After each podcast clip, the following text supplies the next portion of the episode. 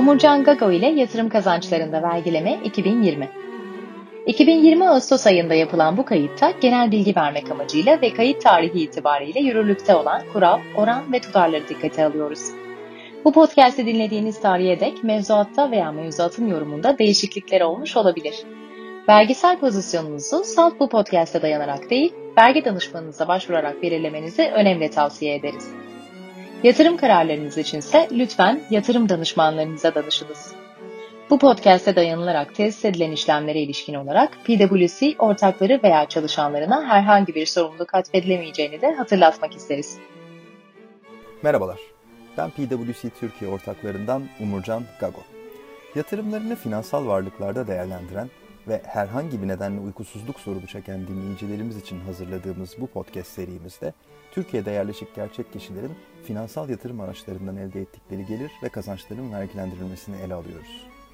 Bir önceki dördüncü bölümde yurt içinde satılan borçlanma araçlarından elde edilen gelir ve kazançların vergilendirilmesini ele almış, yurt dışında satılanları bu bölüme bırakmıştık.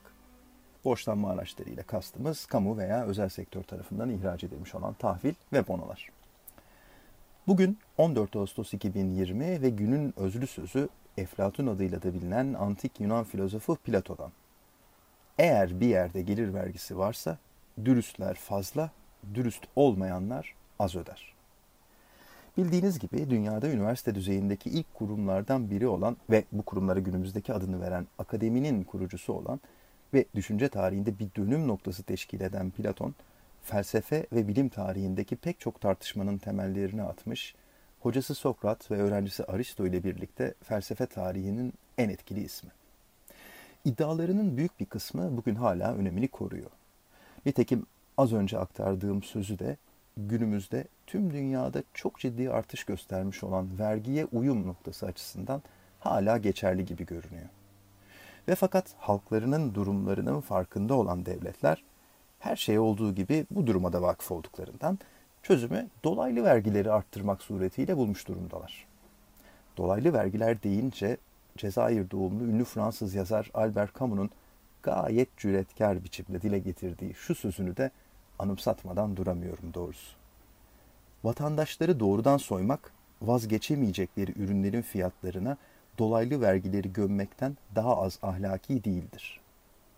Dolayısıyla bizimki gibi ülkelerde vergi gelirlerinin çok büyük bir kısmı gelir üzerinden alınan doğrudan vergilerden değil, zengin, yoksul herkes için eşit oranda olmak üzere genellikle harcamalar üzerinden alınan dolaylı vergilerden sağlanıyor. Ama isterseniz sözlerimize Plato ile başlamış olduğumuz için politik ve felsefi konulara kendimizi daha fazla kaptırmayalım ve mevzuya gelelim artık. İlk bölümü dinleyenler hatırlayacaklardır. Vergileme açısından hangi tür gelir veya kazançtan bahsettiğimiz önemli. Vergi mevzuatımıza göre hisse senetlerinde olduğu gibi tahvil ve bonolardan da iki ayrı türde getiri elde edebiliyoruz.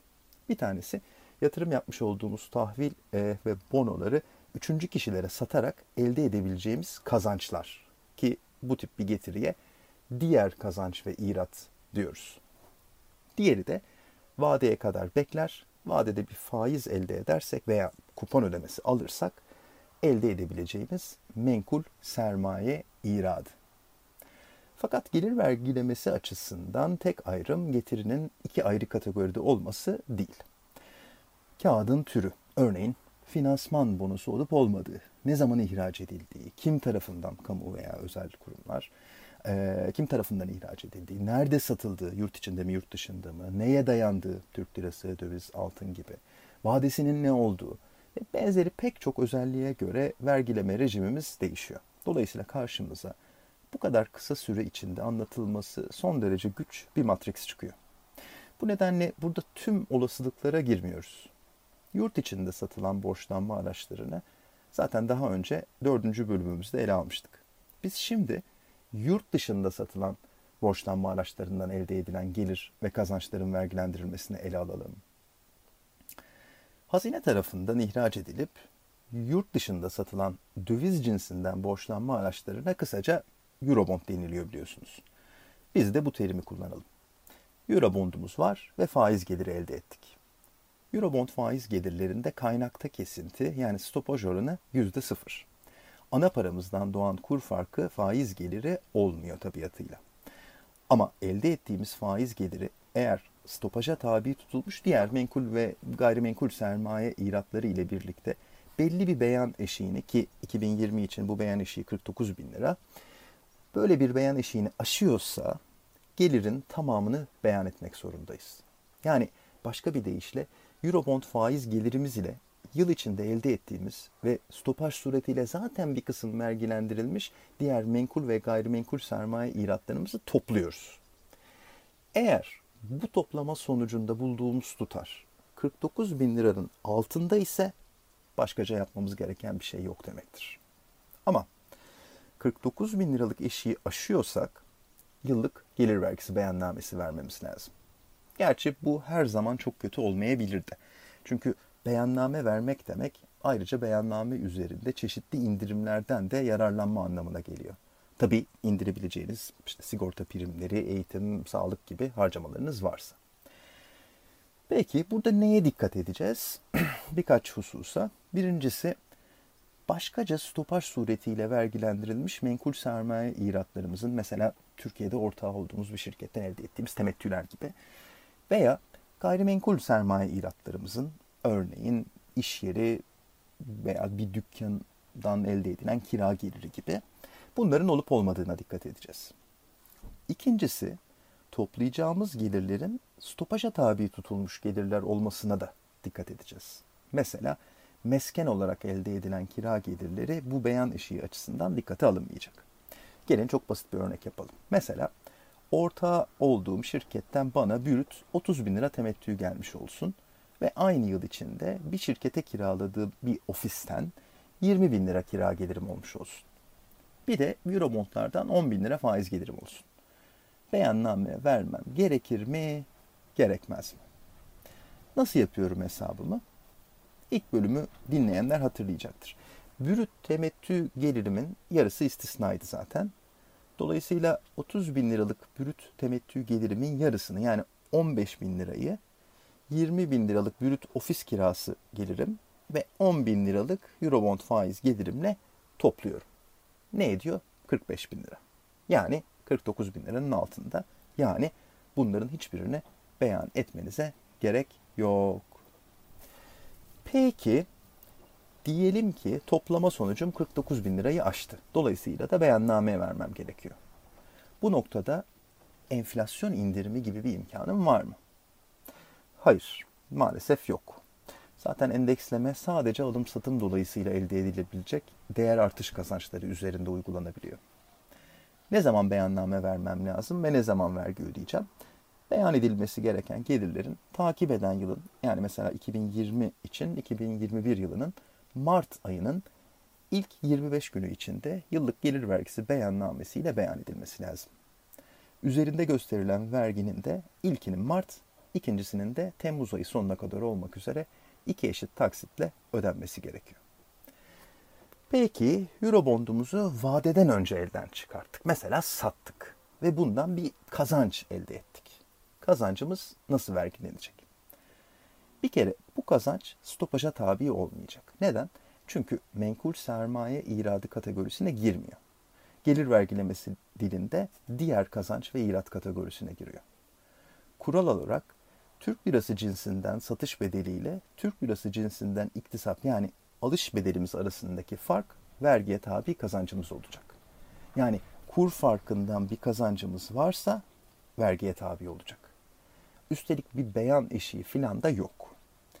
Eurobondları ne kadar süreyle elimizde tuttuğumuzun da önemi yok.